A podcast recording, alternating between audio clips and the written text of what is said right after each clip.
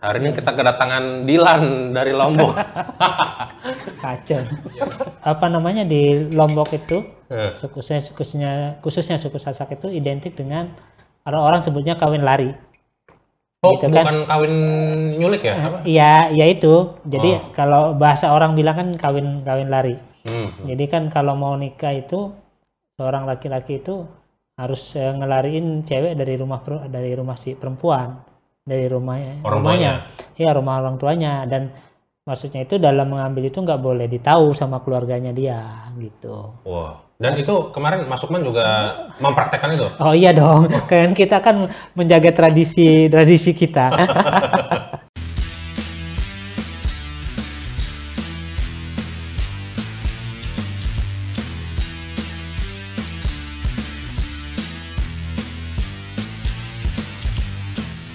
Oke guys, jadi hari ini kita kedatangan Bung Sukman ya. Jadi Bung Sukman ini eh, bisa dibilang senior sekaligus teman lama gua ya dari sejak gua aktif menjadi aktivis sampai sekarang juga kita masih sering ngumpul diskusi bareng tukar pikiran. Nah, kalau ditanya Sukman ini siapa, kok bisa diundang ke acara gua ya, acara nguping ini mungkin orang lain banyak sih ya dia latar belakangnya banyak banget tapi kalau gua simpulkan Sukman ini adalah seorang pemuda Buddhis yang berasal dari desa dari kampung dari pelosok yang berhasil menaklukkan ibu kota Cie. Woi, bahasanya menaklukkan. Nah, makanya itu. Jadi eh, apa namanya? Saya sebetulnya ngundang Mas Sukman ini ingin apa ya namanya? Sharing dong bagaimana pengalaman kan Mas Sukman ini dari Lombok ya. Betul. Dari desa di Lombok, di Pulau Lombok dan eh, sebagai Buddhis tentunya di sana. Bagaimana sih kehidupan sehari-hari sebagai seorang Buddhis di sana? Mungkin bisa cerita bagaimana masa kecilnya dulu, bagaimana sekolah dan kemudian bergaul dengan teman-teman yang lain. Em, kalau kita di sana ya dalam kehidupan sehari-hari nih Bi ya, eh, ya itu rutinitas ya biasa karena di sana itu kan eh, rata-rata masyarakat di sana kan petani, Eh, jadi rutinitas se- sehari-hari eh, itu ya pasti ke sawah, ke kebun gitu. Karena kalau anak-anak kecil biasa rutinitasnya itu eh, pergi ngembala gitu. Kalau misalnya kita udah sekolah, ya pulang sekolah kita bantu orang tua ngembala, orang tua kerja di sawah kita ngembala begitu. Gitu-gitu. Kalau rutinitas sehari kita begitu main sam- sambil ngembala sambil main kita di sawah sama teman-teman anak-anak kecil. Eh, jadi beda ya sama anak anak-anak kecil yang di di Pulau Jawa mungkin atau di Jakarta beda ya. Oh, beda banget. Beda banget. Kota sama sama di desa itu jauh-jauh bedanya. Apalagi pada masa kecil saya belum ada namanya eh, HP ya. Jadi kita betul-betul hidupnya itu dengan alam. Hmm. Jadi dulu di sawah ya nangkep kodok gitu ya. Ya, itu ya? bagian-bagian mainan kita lah. Nah, nah tapi eh, apa namanya pengalaman yang menarik atau nggak terlupakan dari seorang Sukman ini apa gitu sebagai yang memiliki latar belakang Buddhis kemudian di desa. Ya, eh, ada pengalaman yang saya nggak bisa lupa yang terus saya ingat itu sampai sekarang itu udah pada masa masa-masa sekolah. Hmm. Jadi eh, saya ini kan berasalnya dari dari desa, eh, kemudian harus melanjutkan ke dari tamat SD itu harus melanjutkan sekolah ke ibu kota kecamatan karena eh, SMP itu hanya ada di apa di ibu kota kecamatan pada masa itu kemudian Nah, Nah, itu jadi itu itu pengalaman yang tidak bisa saya lupakan di di situ. Jadi eh, di desa itu kampung saya itu belum ada jalan dulu. Masih Hmm. harus jalan setapak untuk eh, kita bisa sampai di sekolah itu. Jalan itu kalau nggak salah itu 15 kilo sampai 20 kilo lah untuk bisa sampai di sekolah itu. Jadi Oh. harus turun gunung, naik gunung, lewat nyebrang sungai, seberang sungai lagi. Hmm. Itu baru bisa sampai di sekolah. Jadi itu waktu SD atau SMP? SMP kalau SD masih di kampung rumah tetap kita lewat matang sawah juga Oh. Eh, jadi SD kalau berangkat sekolah lewat sawah. betul Tapi kalau SMP melewati gunung, Iya, naik turun jalan, gunung naik. du- 15-20 kilo tuh ya. ya dan kita tinggal di asrama waktu itu ada Oh. disiapkan asrama khusus untuk anak-anak yang jauh dari dari sekolah. Kalau boleh tahu eh, desanya di mana, terus sekolahnya di kecamatan apa? Eh, desa saya itu namanya Desa Mareje. Hmm. Eh, sekolahnya di Kecamatan Sekotong namanya. Hmm. Dari Mareje ke Sekotong. Sekotong. Hmm. Kemudian terus SM SMA gimana? SMA juga di kecamatan itu. Masih Oh, apa di Sekotong ada. juga itu. Di Sekotong juga. Oh, berarti selama enam tahun itu tiap hari tuh ya? Eh enggak, jadi kita itu tinggal di asrama pada masa SMP. Jadi Hmm. ada khusus asrama untuk anak-anak yang jauh dari SMP itu banyak teman-teman saya yang dari jauh-jauh juga Hmm. eh, untuk sekolah sana. Jadi kita pulang itu kadang-kadang sekali dalam sebulan gitu Hmm. pulangnya. Kadang-kadang dua minggu sekali pulang ngambil sangu. Jadi kita itu turun itu ke sekolah itu kita udah bawa bekal, bawa Hmm. beras, mikul beras dari dari dari kampung. Dari rumah? Iya, untuk jalan kaki sampai di asrama untuk bekal sehari-hari makan kita. Oh, perjuangannya luar biasa ya. Jadi dari SMP juga udah tinggal jauh ya sama orang tua ya? Udah, iya, udah tinggal jauh, umur 12 ya, 12 tahun ya. Hmm. Dari kita harus masak sendiri, ya semua urus sendiri lah, cuci cuci baju sendiri. Hmm, kemudian sampai akhirnya kuliah gimana kuliah? Hmm, kalau kuliah saya di kuliahnya udah di kota, di kota provinsi sudah kuliahnya di Di Mataram? di Mataram. Kebetulan saya waktu itu sekolah di kuliah di Universitas Mataram. Hmm, S1-nya ya? S1-nya di kota Mataram. Nah, itu jadi eh, Hmm. kalau ke Mataramnya ya tetap untuk bisa dapat kendaraan ke Mataramnya ya kita tetap harus harus jalan kaki dulu kalau Hmm. bisa naik angkot untuk ke kota Hmm. Mataram karena jaraknya lumayan jauh. Hmm. Nah, jadi eh, buat teman-teman yang masih belum tahu siapa Sukman ya, jadi Bung Sukman ini dia eh, berasal dari suku Sasak. Jadi Betul, betul, betul. suku Sasak ini adalah suku asli, salah satu suku asli ya yang berasal dari Pulau Pulau Lombok. Lombok betul. Dan di di Lombok sendiri itu banyak yang Buddhis ya, yang orang penduduk aslinya ya. Banyak eh, yang beragama Buddha banyak di di Lombok tuh yang suku Sasak asli ya. Hmm. Sasak asli. Jadi ada eh dia termasuk di tempat saya, kemudian ada di satu lagi di Kabupaten Lombok Utara namanya itu di urutan kedua itu setelah teman-teman Muslim. Hmm. Jadi tergolong banyak ya Iya, teman-teman kita yang dari Sasak yang beragama Buddha ya. Banyak banyak. Hmm.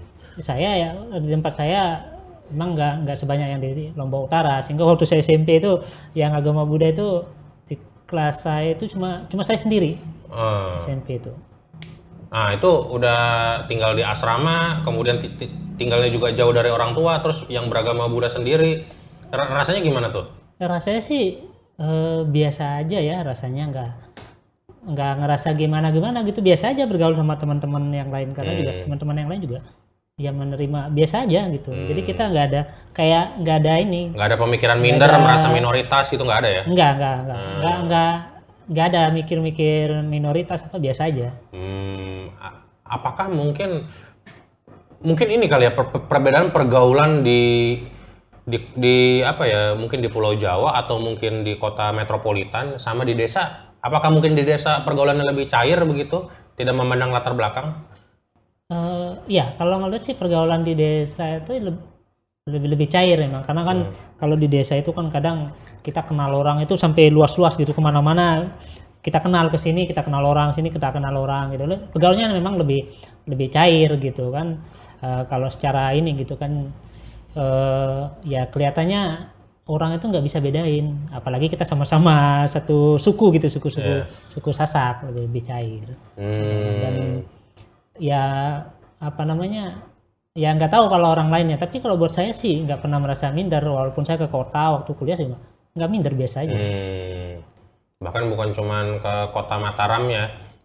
Setelah S1 kan masuk ini? Merantau ya ke Jakarta ya? Eh, setelah saya S1 saya ke saya ke Jakarta. Tapi sebelum ke Jakarta saya juga sempat bantu-bantu di Kementerian Agama Kanwil di Mataram. Kanwil eh, Kementerian Agama di apa namanya di Bimas Budaya sempat bantu-bantu. Nggak lama saya coba ke Jakarta gitu. Hmm. pengen cari pengalaman ke Jakarta begitu. Jadi Nah, gimana caranya? Dan di momen itulah kita ketemu ya. Nah betul jadi ketemu di percetakan negara Jadi waktu itu Mas Sukman ini merantau ke Jakarta untuk ngelanjutin kuliah S2 ya di UI ya. Iya, Dan betul. jadi ketua umum juga ya Hikmah Betul, Budi ya. Betul. Dan saya waktu itu masih SMA. Masih SMP kalau nggak salah. SMP ya? SMP. Jadi sekarang udah besar banget badan badan kita aja Iya. bedanya udah udah jauh sekali nih Iya. dari kecil dulu. Jadi kita udah kenal lama lah gitu. Nah, jadi gue juga cukup tahu lah gimana proses perkembangan Masukman ya yang sampai menaklukkan ibu kota dan akhirnya bisa menaklik, mena- menaklukkan hati seorang wanita juga. nah, selamat Mas ya habis nikah kemarin. Nah. Oh siap, terima Iya. kasih, terima kasih. Nah. Ini saya harus segera nyusul ini. Oh siap. Nah, eh, apa namanya? eh Masukman kan bisa dibilang jalan hidupnya itu penuh perjuangan.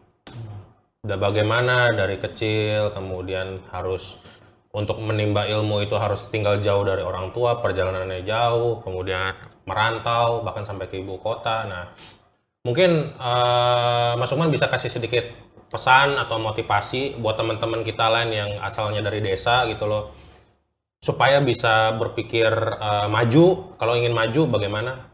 Eh, ya, jadi ya saya sih sering juga saya katakan ya sering ngomongin sama teman-teman di di desa gitu kan.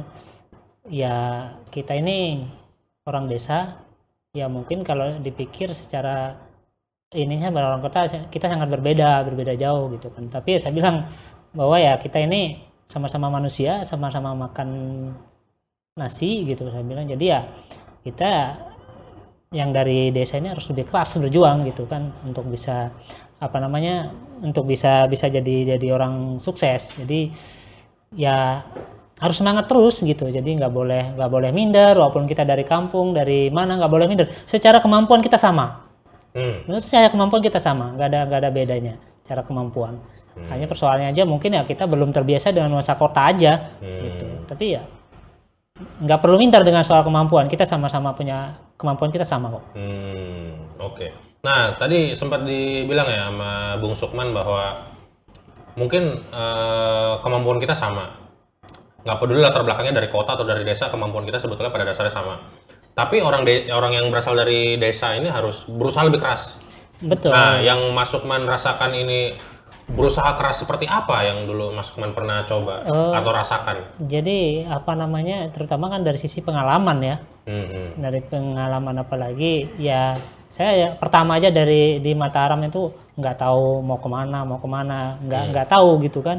Eh, ya di situ kita harus mulai be- berjuang melawan kehidupan kota ini ini yang yang harus kita kita lawan. Karena jauh sekali perbedaan kehidupan perbedaan di kota dengan di desa itu jauh sekali. Nah jadi perbe- apa namanya nuansa-nuansa kehidupan di kota ini yang harus kita taklukkan dulu untuk kalau kita mau memang sukses Adaptasi. gitu betul adaptasi Proses adaptasi. jadi kan kalau di kota ini kan tetangga aja nggak kenal gitu kan. Kalau Hmm. ada apa-apa ya mereka bisa nggak tahu gitu. Kalau di kampung tetangga nggak makan aja kita bisa tahu gitu kan bisa bisa Sharing. kalau susah nah, kita bisa minta tolong tetangga. Kalau di Jakarta kan di kota-kota besar kan agak susah itu. Hmm. Apalagi kita orang baru orang desa. Kamu siapa kan gitu.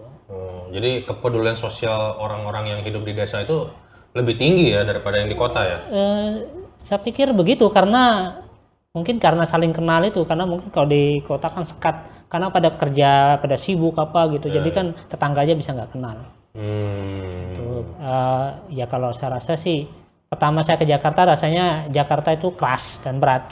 Mindernya sih ya mungkin sedikit ada tapi saya kebantu.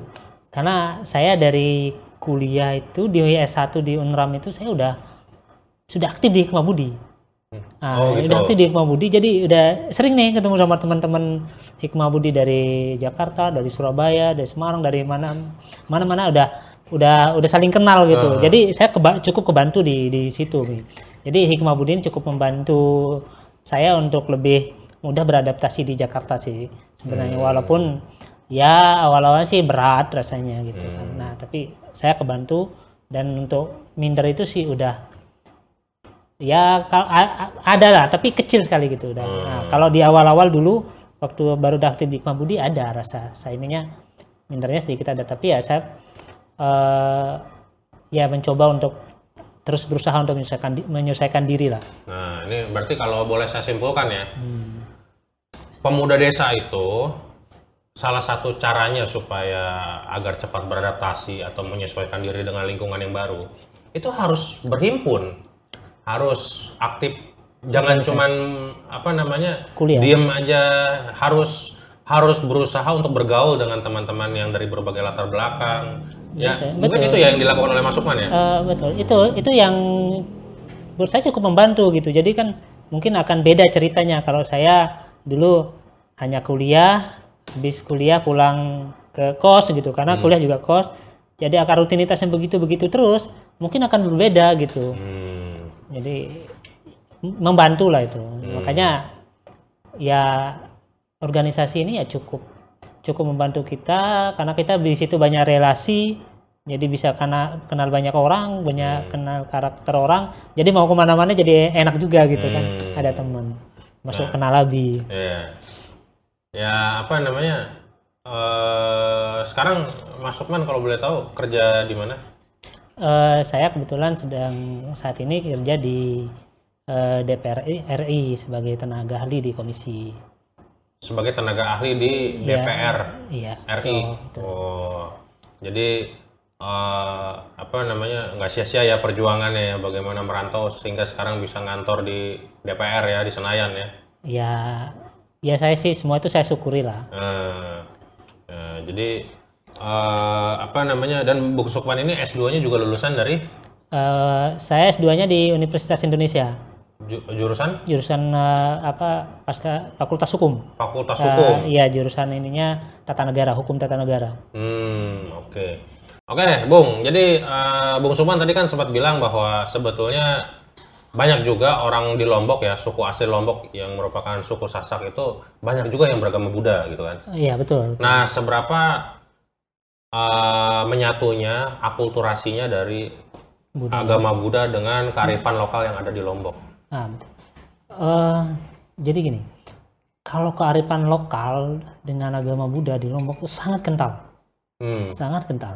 Bahkan itu tradisi-tradisi eh, yang kita jalani itu, itu masih sampai sekarang hmm, kita jalani. hmm, Tradisi dari teman-teman kita di- apa di Lombok itu dari ya sebelum begitu eh, sebelum ada wihara, tradisi itu udah dijalani hmm. sampai sekarang sampai sekarang dipertahankan menjadi tradisi Eh, ada banyak eh, apa nama-nama tradisi yang kita jalani itu di sana itu Tradisi apa aja coba? Mungkin bisa misalnya sharing. gini ya eh, jadi kita di tempat saya itu ada namanya kalau mau menjelang musim tanam itu ada istilah selamat bumi.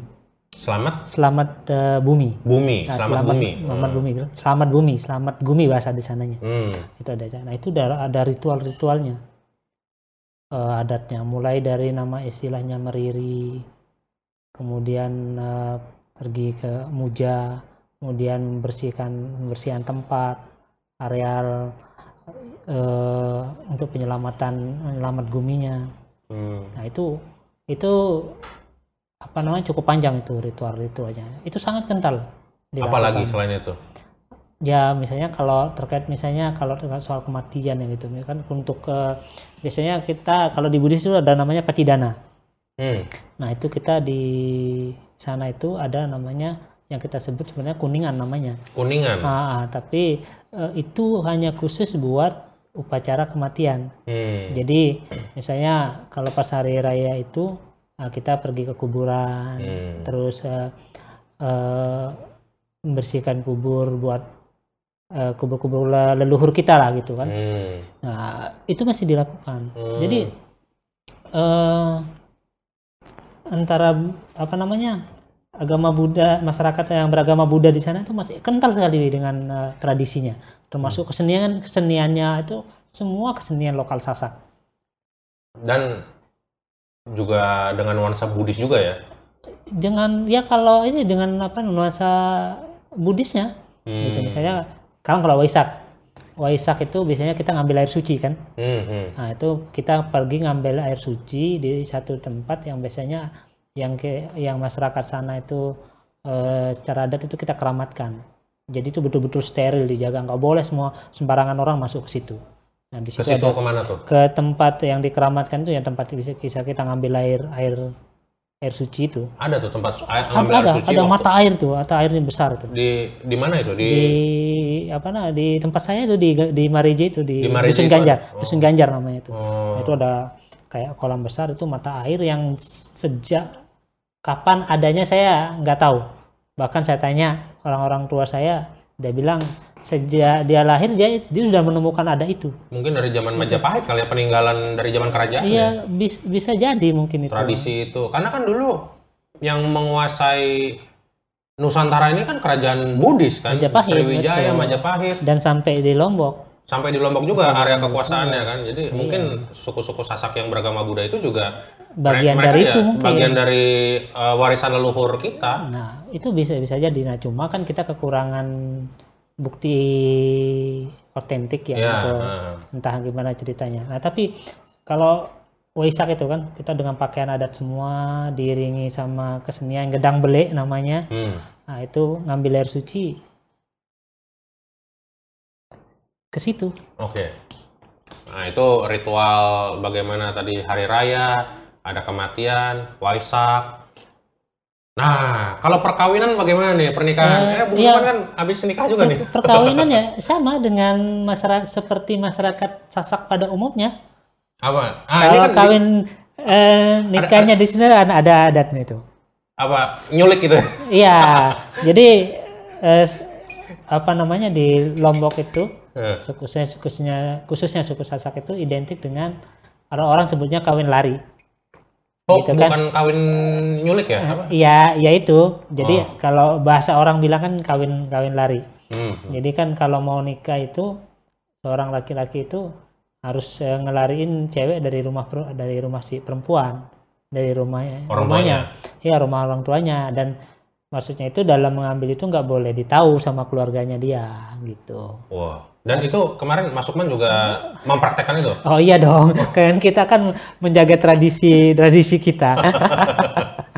Ya, Oh. tapi kan bukan berarti yang kita ambil itu kan orang yang nggak mau sama kita, orang Oh. yang suka sama suka yang Hmm. diambil. Kalau eh, nggak suka nggak suka sama suka kan gimana mau keluar dia kan? Oh. Kayak gitu. Ada ada aturannya, ada etikanya. Jadi nggak nggak sembarang mau ya ambil di tengah jalan ambil nggak bisa. Hmm, bisa digebukin Gitu. orang bisa ya. digebukin orang oh, bisa di digorok nanti jadi kan maksudnya gini kalau mau nyuri itu eh, kita saya udah janjian sih cewek sama si cowok udah janjian mereka sama-sama suka Hmm. nah, malam ini mau dicuri dan janjiannya di mana dan dicurinya itu harus seputaran rumah dari si perempuan Jadi nggak jauh dari situ. nggak boleh keluar jauh-jauh kalau jauh-jauh dari itu nanti kena eh, sanksi. Sanksi ada apa? sanksinya sanksi sanksi adat tentunya Oh. Eh, nah itu pun ada waktunya nggak sembarangan misalnya kan eh, dari jam ya 7 lah 7 malam ke sampai jam 9 Hmm. malam itu jeda waktunya ada kalau lewat ketahuan lewat dari itu nah nanti kena sanksi Oh, sanksinya apa? ya sanksinya sanksi biasanya sih sanksi denda Oh, denda. denda gitu kan. Hmm. Jadi ya kita masyarakat Buddha juga begitu persis pada masyarakat Sasak umumnya Hmm, gitu. Dan menarik itu ya. yang menarik di budaya budaya Sasak. Nah, setelah dicuri eh, besok satu kali 24 jam atau dua kali dalam 24 jam itu dari pihak laki-laki harus mengutus eh, harus mengutus orang untuk memberitahu pihak keluarga perempuan bahwa anaknya diculik. bahwa anaknya sudah diambil sama si A gitu. Oh. Terus gitu. terus bapaknya yang perempuan ini keluar golok dong. Ya enggak juga Siapa lah. yang anak saya? Enggak, enggak, enggak juga gitu kan. Itu emang udah Udah tradisi, udah paham Iya, ya. Tapi itu harus melapor. Kalau enggak melapor lewat dari itu, masuknya kriminal nanti. Oh, Bisa gitu? dilaporkan polisi. polisi. Waduh. Iya, kan ada aturannya. Jadi nggak bisa semaunya dong. Mentang-mentang nyulik semaunya. Oh. Nggak bisa. Oh, iya, menarik Tuh. ya. Nah ini guys, jadi menarik ya bahwa eh, mungkin banyak orang yang masih menganggap bahwa Buddhis itu dari Tionghoa aja. Enggak, itu salah. Jadi banyak juga loh teman-teman Buddhis ini yang non Tionghoa. Ada juga yang dari suku Sasak. Banyak teman-teman kita ya yang dari suku Dayak, Ada Jawa, budaya. Bugis. Apa yang tadi kita bilang? Eh, di Sumatera itu apa namanya ya? Batak ya? Iya, Batak eh, Batak Toba. apa apa gitu nggak? Saya, saya saya lupa itu ada juga di situ. Nah, eh, terus ada juga yang dari Flores. Itu kan yang jadi Bante Iya, Bante Tapio itu kan dari NTT itu. dari Bali. Banyak sebetulnya. Jadi eh, memang nenek moyang kita juga eh, Orang Buddha. orang Buddhis kok gitu kan dari Sriwijaya ya. Jadi eh, kita juga harus membuka pikiran bahwa Buddhis ini jangan bukan cuman etnis Chinese aja gitu. Saya saya juga dulu begitu bi. Saya kira itu yang agama Buddha itu cuma di kampung saya aja gitu. Karena kan nggak pernah tahu kota. Saya ke kecamatan nggak ada orang Buddha gitu. Saya kira cuma di kampung saya itu aja yang agama Buddha. Di, di desa Masukman nggak ada orang Tionghoa ya? Nggak ada. Ya orang Sasak semua ya? Ya, orang Sasak Oke. semua. Sih, saya kira cuma di kampung situ aja yang agama Buddha nggak ada di luar-luar lain gitu. Tapi setelah saya SMA, kuliah saya mulai tahu ternyata ada di Mataram ada gitu, di Lombok Utara ada, ternyata di Jakarta juga ada, eh di luar negeri juga banyak. saya, saya jujur itu, Iya, saya tahunya dulu cuma, saya kira cuma di kampung saya aja yang agama Buddha gitu. Oh, gitu gitu. Oke, oke, oke. Nah, ini menarik ya. Nah, bagaimana perpaduan antara Buddhisme dengan kearifan lokal ya? Iya betul, akulturasi budayanya itu menyatu dengan Hmm. eh, budaya budaya lokal. Tapi memang kan Buddhis ini kan dia tidak kaku, Hmm. Dia bisa beradaptasi bisa dengan beradaptasi dengan budaya lokal. budaya lokal. Iya, Jadi kalau kita perhatikan kan bagaimana. Bahkan ada juga tuh eh, Buddhis Jawa, ya kan? Ah, banyak. Sembayangnya kan pakai bahasa Jawa, kejawen, ya. bahasa bahasa Jawa. gitu. Hmm. Ada juga yang apa namanya suku Dayak ya kan teman kita banyak juga tuh yang Dayak Buddhis kan dia Iya, tuh sembayangnya banyak. bahkan ada yang pakai apa? Ada, Apa namanya? ada mandau, mandau ya apa? Nah, eh, kalau sana yang kenalnya mandau. Mandau ya. Nah kalau kalau di Lombok apa? Alat perangnya itu apa? Hmm, eh, kalau kita ada keris, ada tombak, Oh. kan masih masih sama dengan dengan Jawa lah. Hmm, oke oke. Hmm, Jadi ya begitulah kalau di di Lombok itu. Dan masyarakatnya juga petani rata-rata. Hmm, jadi artinya banyak petani Buddhis ya di situ ya. Semua di kampung saya itu semua petani. Orang tua saya aja nggak bisa baca tulis. Nggak ada orang-orang tua kita pada nggak sekolah bi. Nah ini menarik nih. Saya sorry mau coba tarik ke belakang. Mas Umar kan cerita tadi bahwa untuk menimba ilmu saja butuh perjuangan yang luar biasa kan. Tinggal jauh dari orang tua, kemudian jaraknya juga jauh dari desa ke kecamatan. Nah, eh, apakah di sekolah tersebut juga ada guru agama Buddha? Ya karena apa nama sis- siswanya nggak ada, jadi nggak ada guru agama Buddha. Nggak ada. Nggak ada. Dari SD saya SD, SMP, SMA itu nggak pernah dapat guru agama. Hmm. Jadi saya waktu SMP itu saya sering ikut ikut kuliah agama dari teman-teman. Kalau kalau nggak diwajibkan sih.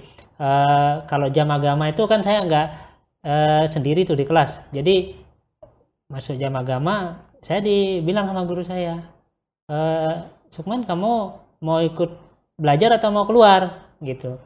Nah, saya kadang kalau lagi malas itu saya ikut tapi kadang saya keluar juga gitu Hmm, itu belajarnya yang non Buddhis tapi ya. iya tapi Hmm. saya ikut aja ikut ikut nyimak apa gitu Hmm, tapi tetap kekeh atau tidak goyah imannya nih tetap di jalur Buddha Dharma ya. Eh, kalau soal iman itu kan soal keyakinan Hmm. saya gitu kan dan saya nganggap bahwa kalau saya ngikuti pelajaran itu bukan berarti apa namanya ya saya harus harus pindah gitu. Ya saya anggap itu bahwa untuk saya mengetahui oh agama ah begini gitu sehingga saya tahu gitu kan. Jadi Hmm. sehingga saya tidak bicara sembarangan tentang agama teman-teman gitu. Jadi tiba-tiba ngejelekin agama orang kita nggak ngerti kan. Hmm, salah. Jadi belajar itu juga sebenarnya perlu untuk kita tahu gitu kan. Hmm, ya, eh, jadi Mas Sukman bilang tadi bahwa sebetulnya banyak Buddhis Sasak ya di Lombok. Ya, banyak banyak. Tapi guru agama Budanya nggak ada.